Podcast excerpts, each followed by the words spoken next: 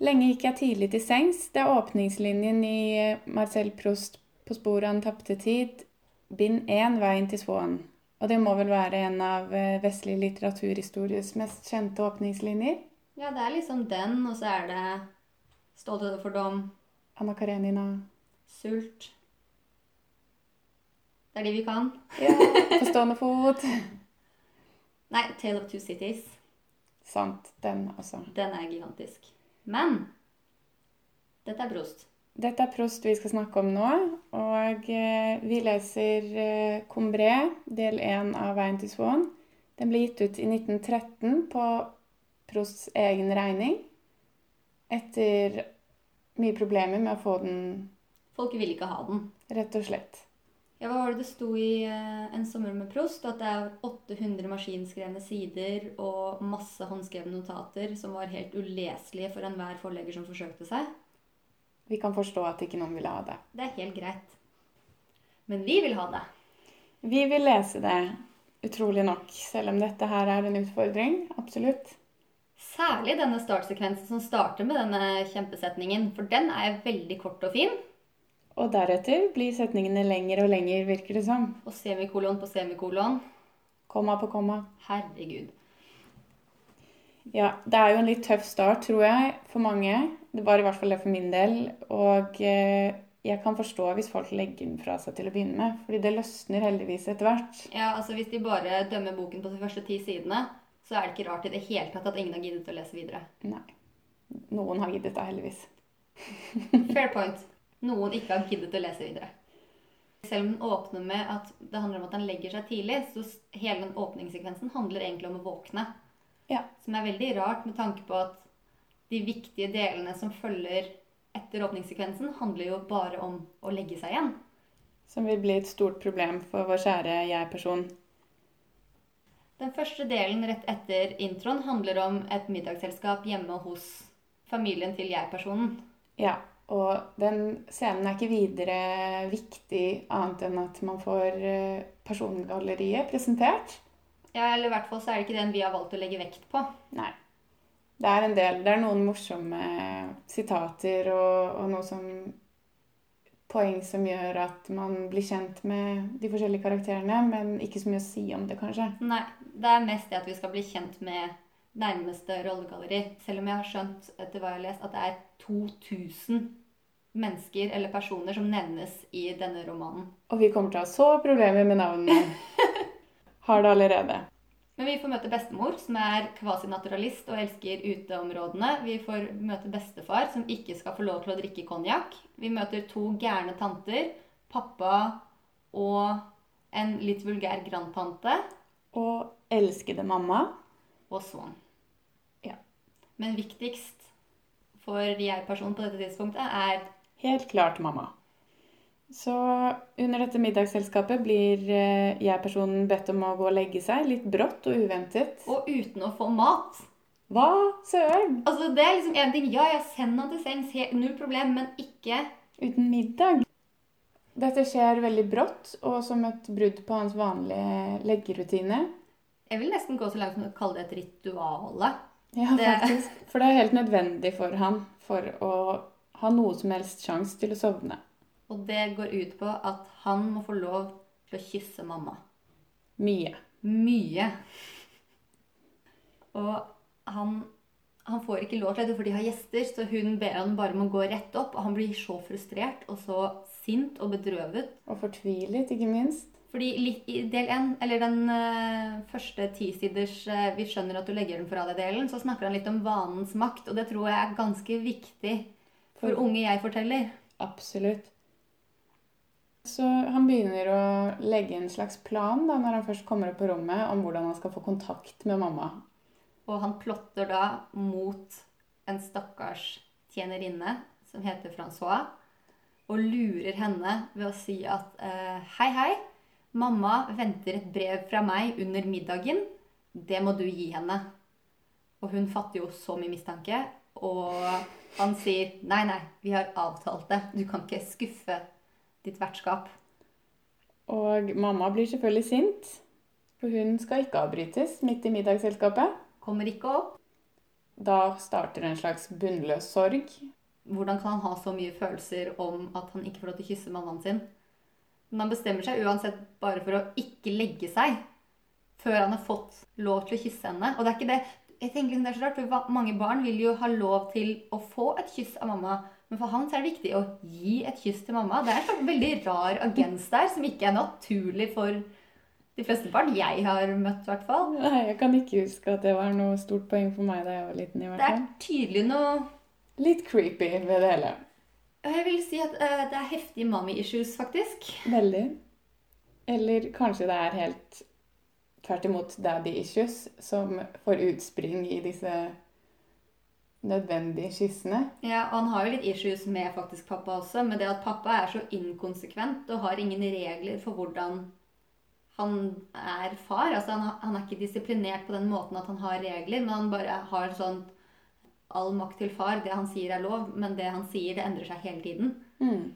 For han sier jo plutselig til mor når de skal gå og legge seg For da har jeg-personen holdt seg våken, og så kommer eh, først mor opp trappen, og han kommer ut i gangen, og da blir jo hun fra seg, fordi hun, er, hun vet at far vanligvis ville bli sur for dette, og prøver å vifte han inn på rommet igjen, mens han står støtt som en påle i den gangen og nekter å vike. Og så kommer pappa. Og pappa sier Nei, det viktige er jo at mor sier før hun egentlig merker at 'jeg er egentlig ikke trøtt'. Ja. Og da sier pappa ja, men kan ikke du bare gå inn til han, da, og så rev vi opp sengen, så kan du være med han. Du ser jo at gutten er helt fra seg. Og det skulle man jo tro at var en positiv ting for jeg-fortelleren, men det blir tvert imot kjempevanskelig å forholde seg til, fordi det er så inkonsekvent. Da. Det var noe helt annet enn det han forventet. Han har jo til og med beskrevet at han etter dette her så kommer jeg til å bli sendt på dør, og jeg må flytte hjemmefra, og han, han på en måte er helt Og hvor gammel er han? Åtte-ni, føles det som. Jeg tenker noe rundt det, ja. Eh, Men jeg-fortelleren blir også ganske frustrert fordi rutinen blir brutt andre veien igjen. Altså, han har gått fra å få for lite til at nå føler han nesten at han får, det blir for mye for han.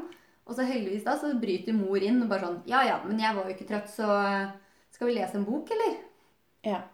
For han får jo en enormt dårlig samvittighet Mm. over å ha vunnet en slags strid med moren. Mm.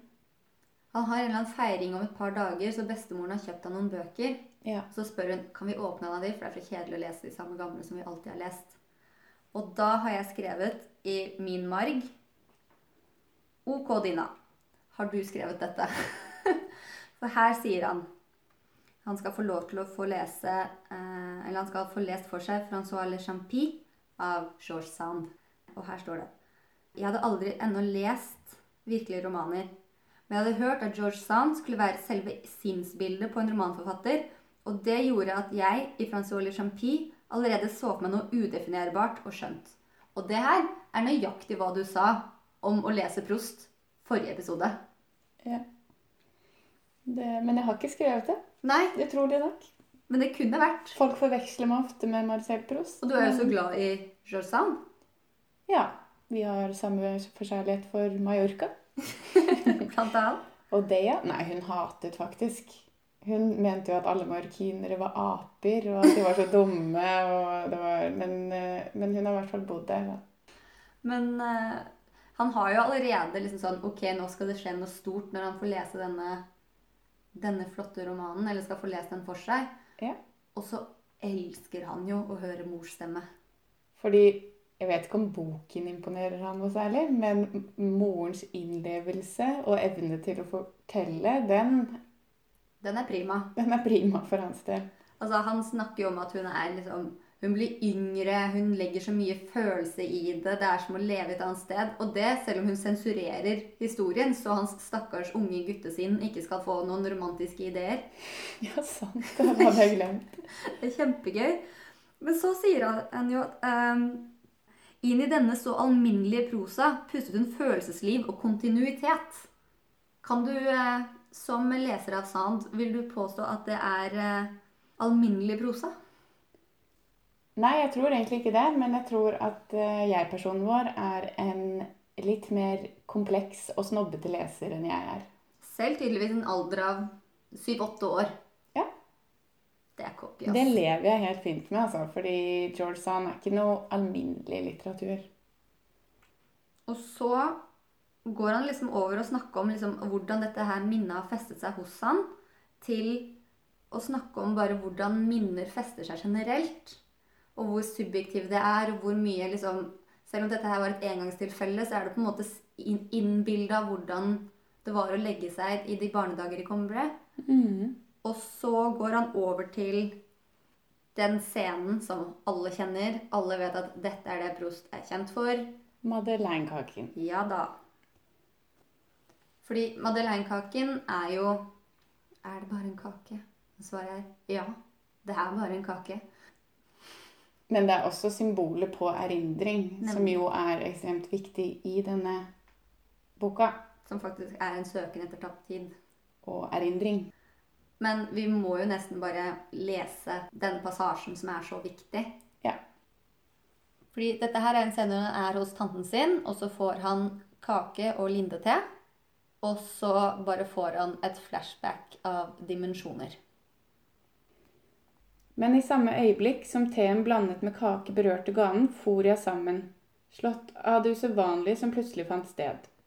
En vidunderlig glede hadde grepet meg. En enestående glede som ikke visste om sin egen årsak. På samme måte som kjærligheten bevirket den at alle omskiftelser ble likegyldige, all ulykke harmløs og livets flyktighet en illusjon. Den fylte meg med en kostbar essens, eller snarere, denne essens var ikke i meg, den var meg. Jeg følte meg ikke lenger mislykket, begrenset, dødelig. Hvorfra hadde denne sterke gleden kunnet nå meg? Og det er vel hele poenget, at han vet ikke hvorfra. Nei, han tar jo denne slurken med te blandet med madeleinekake, og så kommer det et helt spontant minne som han ikke Det er ikke et tydelig minne heller. Nei, det er en følelse. Mm. Altså, det, den gir på en måte et, et følelsesbilde uten et faktisk bilde, etter hva, sånn jeg leser det. Og så prøver han å gjenskape det, eller få et tydeligere bilde av det ved å gjøre det igjen og igjen, men for hver gang han gjør det, så blir erindringen svakere og svakere. Mm. Så det er vel et prakteksempel på hvordan tiden av og til kan oppleves mer tematisk enn kronologisk. Og så er det også det at man, man husker bare det viktigste, og her var tydeligvis ikke verken kaken eller teen det viktige, men følelsen av den, den vanen som man hadde som barn, at hvor hadde har fått denne kaken. Mm.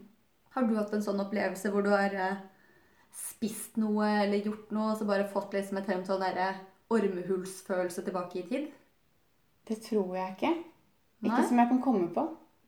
Hva med deg? 110% som de sier på Paradise. Eh, jeg jobbet på en kafé ganske lenge, og der var det rømmegrøtdager et par ganger i måneden, da. Mm. Og jeg hadde alltid for meg at jeg var ikke noe særlig fan av rømmegrøt, men jeg hadde ikke noe sånn forbindelse til det. Jeg bare hadde ikke spist noe særlig. Og så tenkte jeg bare ja, men shit, jeg får jo bare smake på det her, da. Så tok jeg en bit på bakrommet, og jeg fikk bare sånn That's So Raven-aktig strømning tilbake til jeg var sånn fem år gammel og var i en familiemiddag eller tilstelning hvor det var satt meny og rømmegrøt. Og jeg luktet på det og sa til min mor at dette her tror jeg ikke at jeg kommer til å kunne spise.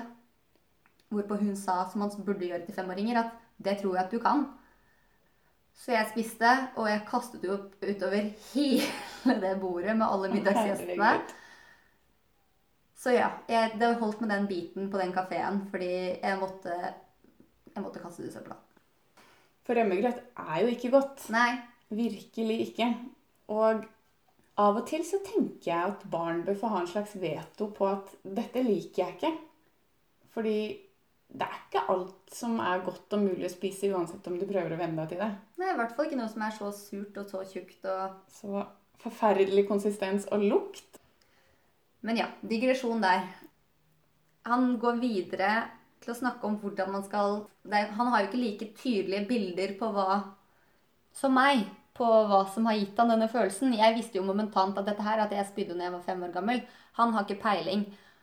Og han prøver å forklare hvorfor han ikke har peiling, med et så idiotisk språk at jeg kjente sånn Jeg vet så godt hva du prøver å si, men må du si det sånn? Og sinnet fra vår første podkast har helt klart kommet tilbake etter vi leste denne setningen. Absolutt. Altså, unnskyld meg.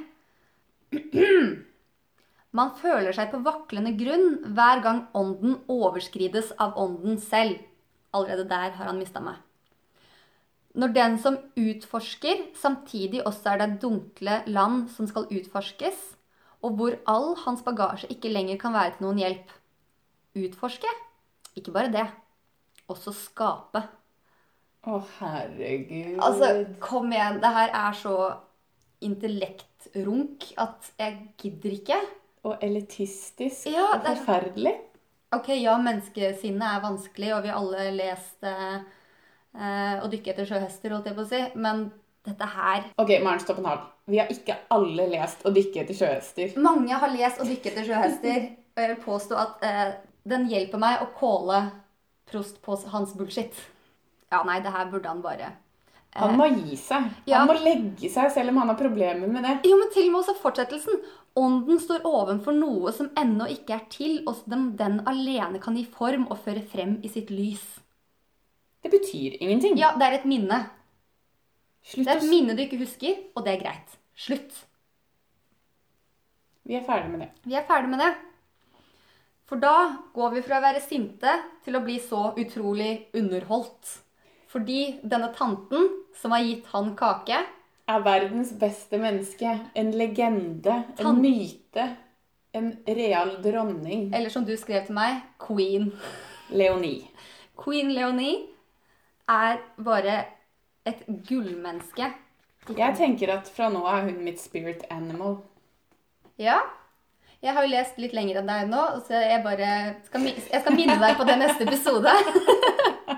Ok, Men vi må forholde oss til sånn hun er per disse sidene. Per disse sidene er hun legendarisk, fordi Leonie er denne tanten som de faktisk er på besøk hos i Comré. Og hun ligger alltid i senga. Ja, hun, eh, hun tar livet med ro. Hun chiller'n. Og jeg syns Prost er ofte litt for Han har veldig mange ord. Men her han klarer så presist å si han, hvordan Leonie har blitt som hun er. Han oppsummerer henne på kornet. Ja, det er helt gull. Min bestefars kusine, min grandtante, som vi pleide å bo hos, var mor til denne tante Leonie, som etter at hennes mann, min onkel Oktav, var død, først ikke hadde villet forlate Combré, så sitt hus i Combré, så sitt værelse, så sin seng, og som ikke lenger kom ned, men alltid var sengeliggende i en ubestemmelig tilstand av sorg, fysisk svekkelse, sykdom, fikse ideer og gudfryktighet. Det er jo en drømmemiks. Det er tante Leonie i sitt ess. Og denne tanten Altså Hvor skal vi begynne? Ja, hvor skal vi begynne? Hun gjør så mye gull. For det første så sender hun jo eh, denne eh, unge jeg-fortelleren bort ganske ofte. Fordi han kan ikke besøke henne mer i fem minutter, selv om hun ligger nede hele dagen. Fordi hun kan komme til fare. For å bli trett. Og det er ikke han som er redd for det. Det er hun som er redd for det. Hun må drikke Vichyvann, som må fordøyes. Hun må drikke én te hvis hun føler seg skjør, og Linde-te hvis hun føler seg ekstra skjør. For hun føler seg alltid skjør. Ja, hun er skjør. Hun er veldig skjør. Og ikke bare er hun skjør. Hun har, altså Disse fiksidéene hennes går bl.a. ut på at hun har innbilt hele familien og til en viss grad seg selv med at hun sover ikke. Men jeg tror faktisk ikke hun har lurt familien til å tro det. Nei, nei, men hun, hun har på en måte satt det inn som en greie at tante Leonie sover ikke. De er alle enige om at hun ikke sover. Ja. Og det er så morsomt, fordi hun glipper jo. De tror, altså Selv om alle på en måte vet det, og hun også Det, det er som en eh, Tar du eh, livsløgn fra et gjennomsnittsmenneskeopplegg? Tar du livsløgnen fra et gjennomsnittsmenneske, tar du livsgnisten fra han med det samme. Problemet er at hun har jo ikke noe livsgnist heller, så det er egentlig veldig Men bare Hun har også et problem med at hun, siden hun ikke snakker med noen, hun ligger bare oppe på rommet sitt alene, så snakker hun også høyt. Og denne jeg-fortelleren går ofte forbi rommet hennes. Og da sier han på et tidspunkt at Men da hun hadde fått den vane å tenke høyt, hendte det dessverre at hun glemte å undersøke om det var noen til stede i værelset ved siden av. Og jeg hørte henne ofte si til seg selv Nå må jeg endelig huske på at jeg ikke har sovet. For hun hevdet med stor styrke at hun aldri sov, en påstand som hele familiens språkbruk respekterte og bar preg av. Om morgenen vekket ikke Francois henne, hun gikk inn til henne. Når min tante ville ta en liten lur midt på dagen, sa hun at hun ville slappe av eller hvile. Og når det hendte at hun glemte seg i samtalens løp og kom i skade for å si 'det som vekket meg', eller 'jeg drømte at', ble hun helt rød og dekket øyeblikkelig over sin forsnakkelse. Jeg er veldig spent på hvordan man dekker over den forsnakkelsen.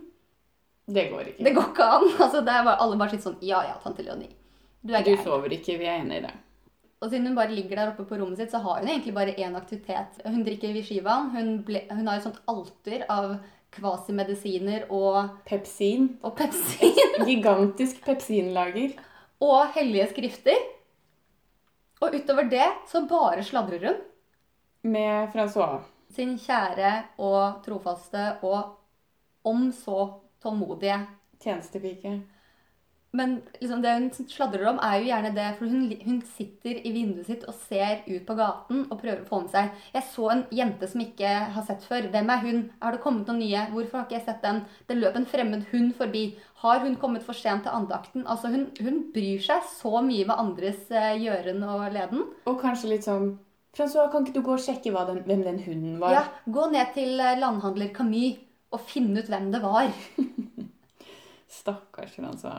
Men jeg har en old, eller hadde en oldemor som hadde nøyaktig denne hobbyen, som er så morsom fordi den gården jeg kommer fra, ikke har naboer. Så det var ingen å spionere på. Men hennes daglige gjøremål var å sitte på glassverandaen og se ned på rv. 3 og rapportere hvor mange busser og trailere og motorsykler og personbiler som hadde kjørt forbi den dagen. Så jeg pleide å komme inn til henne på formiddagen og spørre liksom Ja, hva har skjedd siden sist? Nei, nå har det vært eh, åtte personbiler, tre trailere og 25 busser.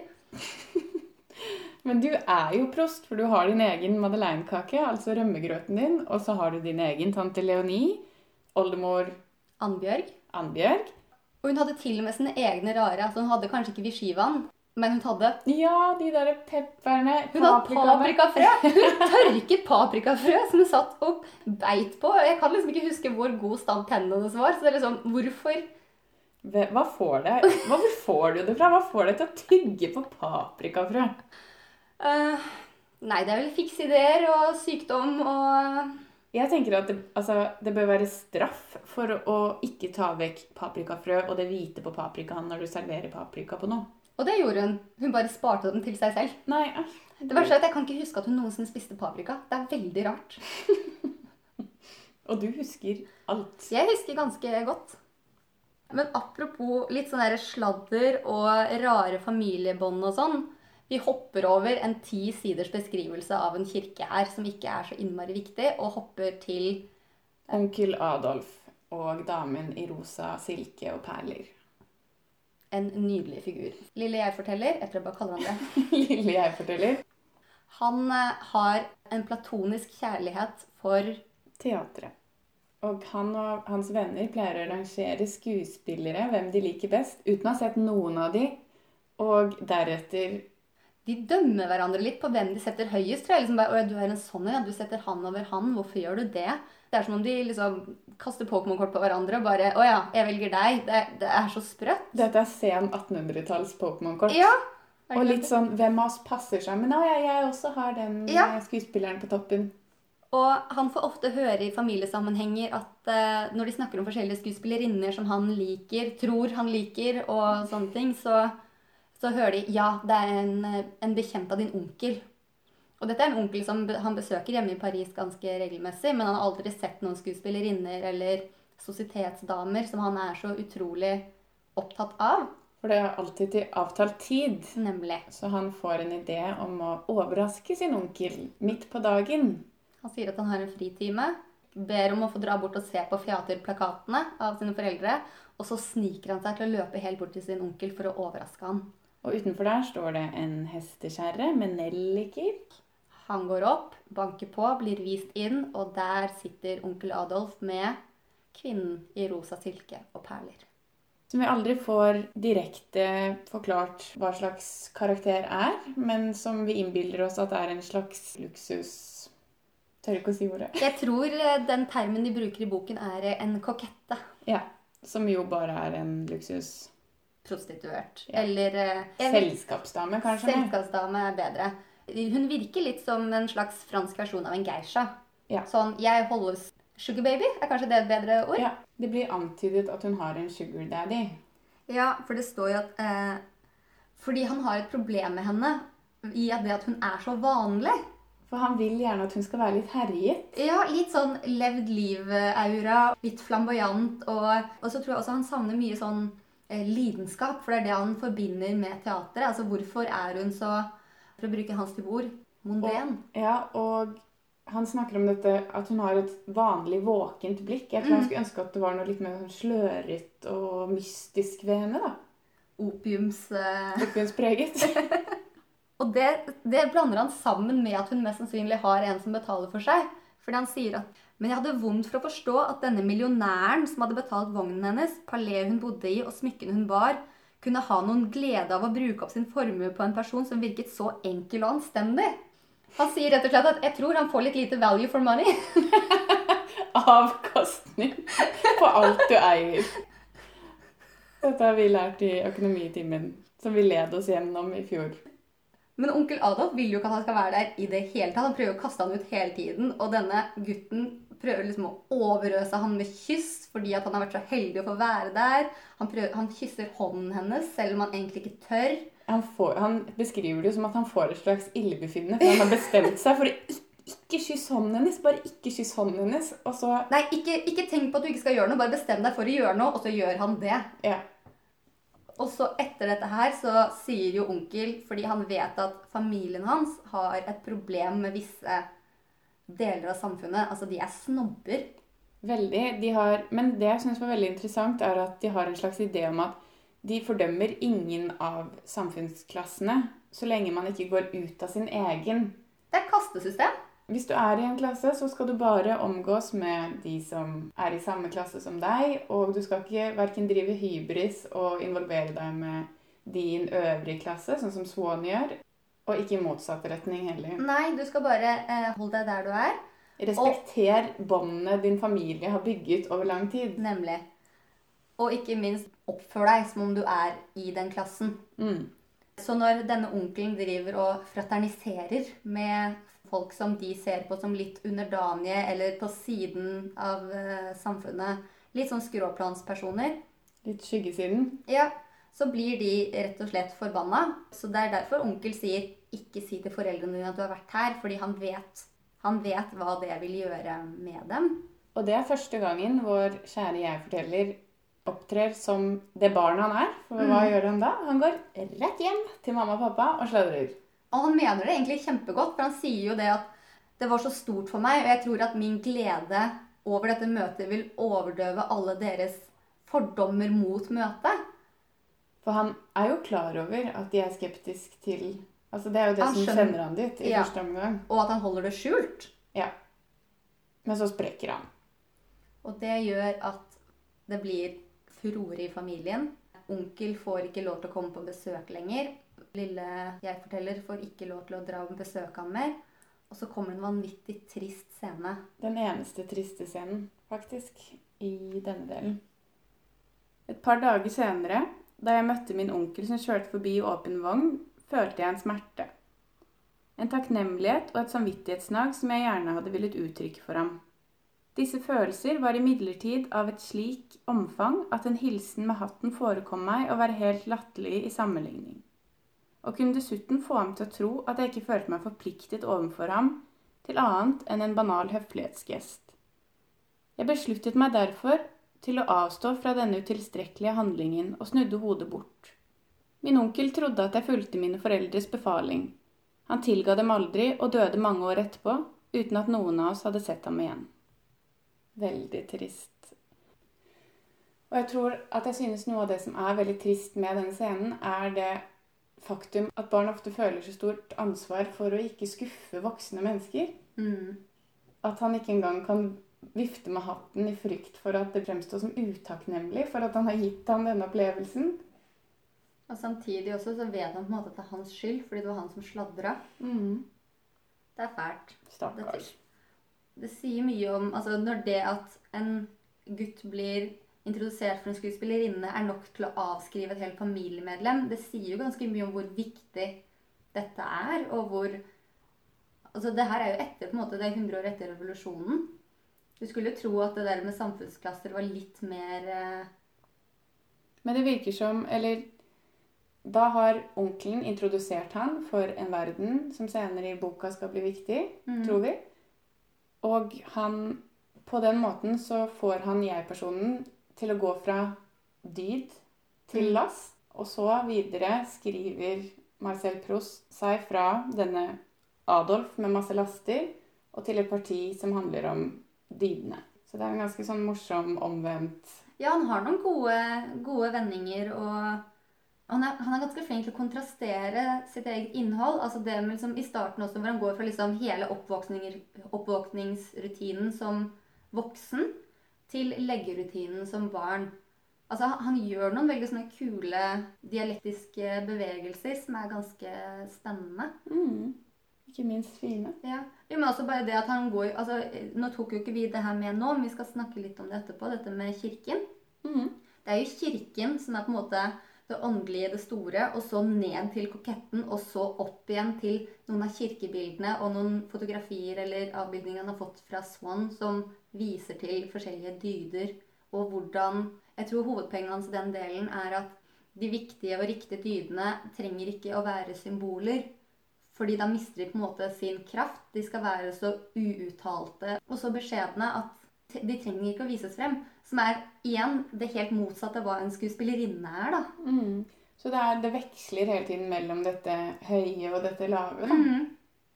Og det skal du ikke gjøre. Altså, Der skiller han seg jo vidt fra familien. da, altså Ja, det, mm. Det, er, det er igjen et motsetningsforhold. Nå ble vi veldig overivrige. Ja.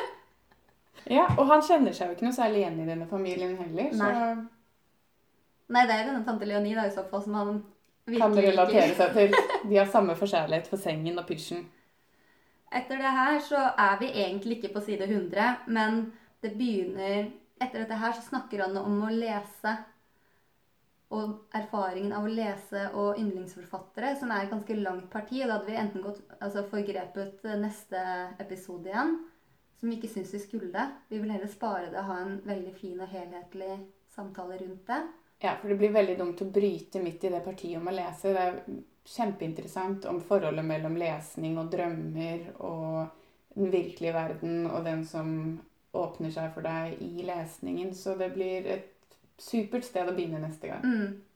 Ja, Så istedenfor å snakke om eh, de siste sidene av, av de 100 sidene vi skulle ha lest til nå, så har vi lyst til å snakke litt om eh, det stilistiske, Ja. kanskje. Altså fordi vi har snakket litt om uh, altså mad- Madeleinekaken er jo på en måte smakssansen, forbindelse til hukommelse, men han snakker jo også veldig mye om andre ting. Det er en veldig sensorisk bok.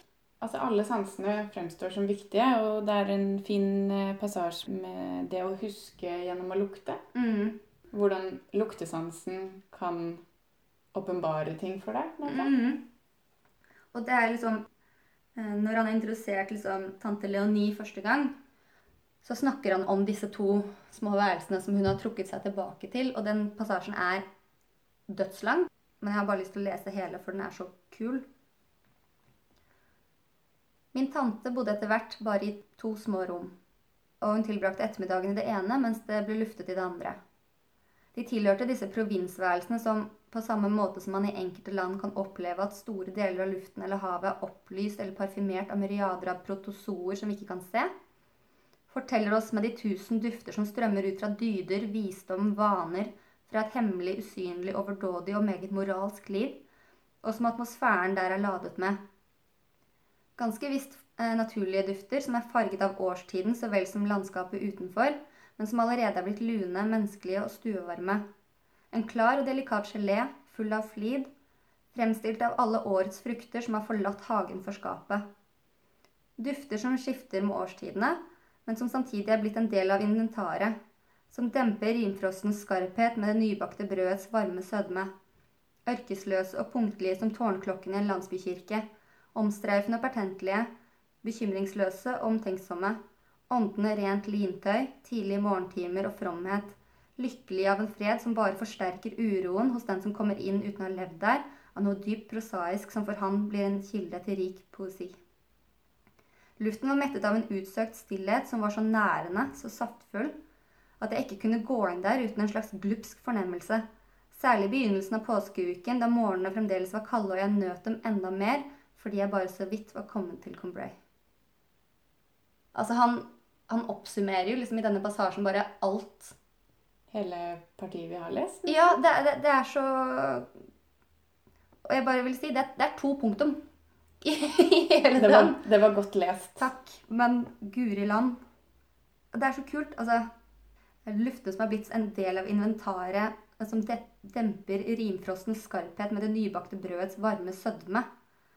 Og så drar han Altså, han, han tar med hele samfunnet og historier og klasse. Han, altså bare i liksom Dette er det det lukter av et rom. Det lukter dyder og fromhet. Mm. Passer ikke helt med tante Leonie. Men det er jo en utrolig overmodig beskrivelse. da. Han har Veldig.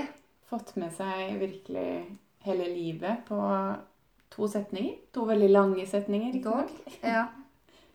Nei, det er så fint. Jeg, altså, det med lukten blir viktigere og viktigere utover. Altså, han, han beskriver jo alt med lukt. Mm. Altså, Lindetelukten blir senere dratt opp igjen av lindetrær. Og det er så viktig for han. Og det gjør jo at vi får en mye mer helhetlig leseropplevelse. Du føler at du er der. Ja, virkelig. Og på et sted hvor vi umulig kan ha vært. Mm. Både pga. tidshindringen, men også Altså, det, det er et rom som jeg aldri har tatt del i, da. Literally. Men virkelig fordi han maler og beskriver det så detaljert og rikt, så, så blir man invitert inn da, som leser. Det samme kan vi også si om synsansen når det han beskriver kirkerommet. Men det er ti sider, og det kan vi faktisk ikke lese høyt. Det var, veldig, det var ti veldig fine sider, men eh, det blir for drøyt å ta, å ta med i denne podkasten. Men da er det en veldig fin beskrivelse av hvordan eh, er det blikket innenfra kirken eller solen utenifra som gjør dette spillet i vinduet, som er veldig fint, men eh, litt omfattende å snakke om nå. Og jeg tror vi begge var litt sånn at ti sider var det lengste draget. Det var sånn veldig pent og Altfor langt. altfor langt. Smertelig langt. Ja. Hva var det som overrasket deg mest med denne delen vi har lest nå, da, Maren? Det er en litt sånn blanding. Eh, litt hvordan han hadde et taktskifte mellom de første sidene som handler om det å våkne til resten av historien, og hvor alt virkelig begynner. Jeg syns det var En positiv overraskelse? så innmari deilig. For jeg, jeg var ganske nervøs de første sidene der. Ja. Og så kanskje også at det språket som jeg syns egentlig er litt for svulstig og bombastisk og Hvis noen andre hadde skrevet det, så ville jeg vært litt sånn OK, selvdiggeren, kan du roe ned på eget ego og synsing her? Men jeg kjøper det, altså. Jeg kjøper det litt for, eh, litt for rått, med unntak av noen eh, passasjer. Så du overrasker deg selv som leser hva du godtar og liker? Ja, det kan du egentlig godt si. For jeg har jo egentlig klaget litt på at mye av det Jeg føler at jeg har lest veldig mye sånn spartansk, hvit eh, Ikea-litteratur. Veldig clean cut-litteratur, som kan være veldig fint. Men da er det også veldig deilig å få noen som bare Hei, hei. Nå skal jeg fortelle deg ti sider om et kirkevindu. Ja, Hvis du skal vite hvor mange ord vi har i vokabularet vårt, så skal jeg bare bruke alle. Mm. Det, det er ganske gøy. Jeg tror virkelig at det som har overrasket meg mest, er at jeg har ledd flere Ja, ganger. du har det. Jeg har ledd flere ganger, og spesielt av min elskede Leonie, som du har fortalt meg nå at jeg kommer til å få et annet syn på etter hvert, men foreløpig Jeg tror ikke du kommer til å mislike henne. Jeg tror bare at eh, du kommer til å få litt større kvaler med å identifisere deg så hardt med henne. ja. Men jeg har i hvert fall ledd masse av henne, og det gledet meg veldig og overrasket meg mer. Vi kan jo snakke om noen utfordringer med å lese den teksten. F.eks. er det noe vi ikke skjønte, eller noe du ikke skjønte med å lese mens du leste? Det var helt klart noen setninger jeg ikke skjønte. Jeg har jo en favoritt på side ni i min, min bok. Den som sover, holder i sirkel rundt seg timenes kjede, årenes og planetenes rekkefølge. Det betyr ingenting. Hva Altså, fader? jeg har lest den setningen så mange ganger. Hvis noen vet hva den setningen betyr, skriv det i kommentarfeltet på Instagram på den ene videoen vi har lagt ut. Fordi jeg vil vite hva det betyr hvis noen sitter på svaret. Altså, det, det, det er så svada. Det betyr ingenting. Det er bullshit. Planetenes rekkefølge, hva Unnskyld at jeg sier det, faen har det å gjøre med å legge seg? Kanskje det er det. Han sliter så jævlig med å sove at planetene må stå i riktig rekkefølge for at det skal skje. I only sleep when the planets align. Og dette her svarer jo litt på et av de andre faste spørsmålene jeg satte selv, som har du ledd av eller med Prost? Og det har vi jo så definitivt gjort. Begge deler. Vi har ledd med Prost gjennom hans karakter Leonie. Vi har ledd av han når han er helt Er det lov til å si at Prost er på bærtur? Helt klart. Hva er forventningene dine til neste del av Maren? Jeg håper at uh, Son skal være litt mer med. Jeg vil bli mer kjent med Swan. Ja, kjempelyst. Eh, jeg tror han blir veldig kul. Og jeg også gleder meg veldig til den passasjen som vi skal begynne med. Mm. Fordi den begynte i hvert fall veldig fint. Og jeg håper at vi skal få se litt mørkere sider av folk. Mm. Jeg, jeg vil ha litt mer faenskap. Og jeg tror det er en grunn altså, Nå skal vi jo fortsette på Combré neste podkast òg, men jeg tror at det er en grunn til at denne delen heter Combré, og det er fordi at nå får vi skissert byen og menneskene som bor der, og diverse. Det er litt sånn som når du begynner på en TV-serie. Litt kjedelig å bli kjent med alle. Og jeg elsker den delen, jeg. Gjør du? Ja. Jeg kan synes det er litt sånn mm, Men når jeg først har fått plassert alle og skjønner hvordan de virker sammen, så løsner det veldig. Så jeg gleder meg til Forløsningen. forløsningen jeg tror jeg vi får. Kan, jo, i en gjenfunnet tid, kanskje. Uh. Ok, og med det så tror jeg vi sier eh, takk for i dag. Takk for i dag. Nå vil jeg snakke.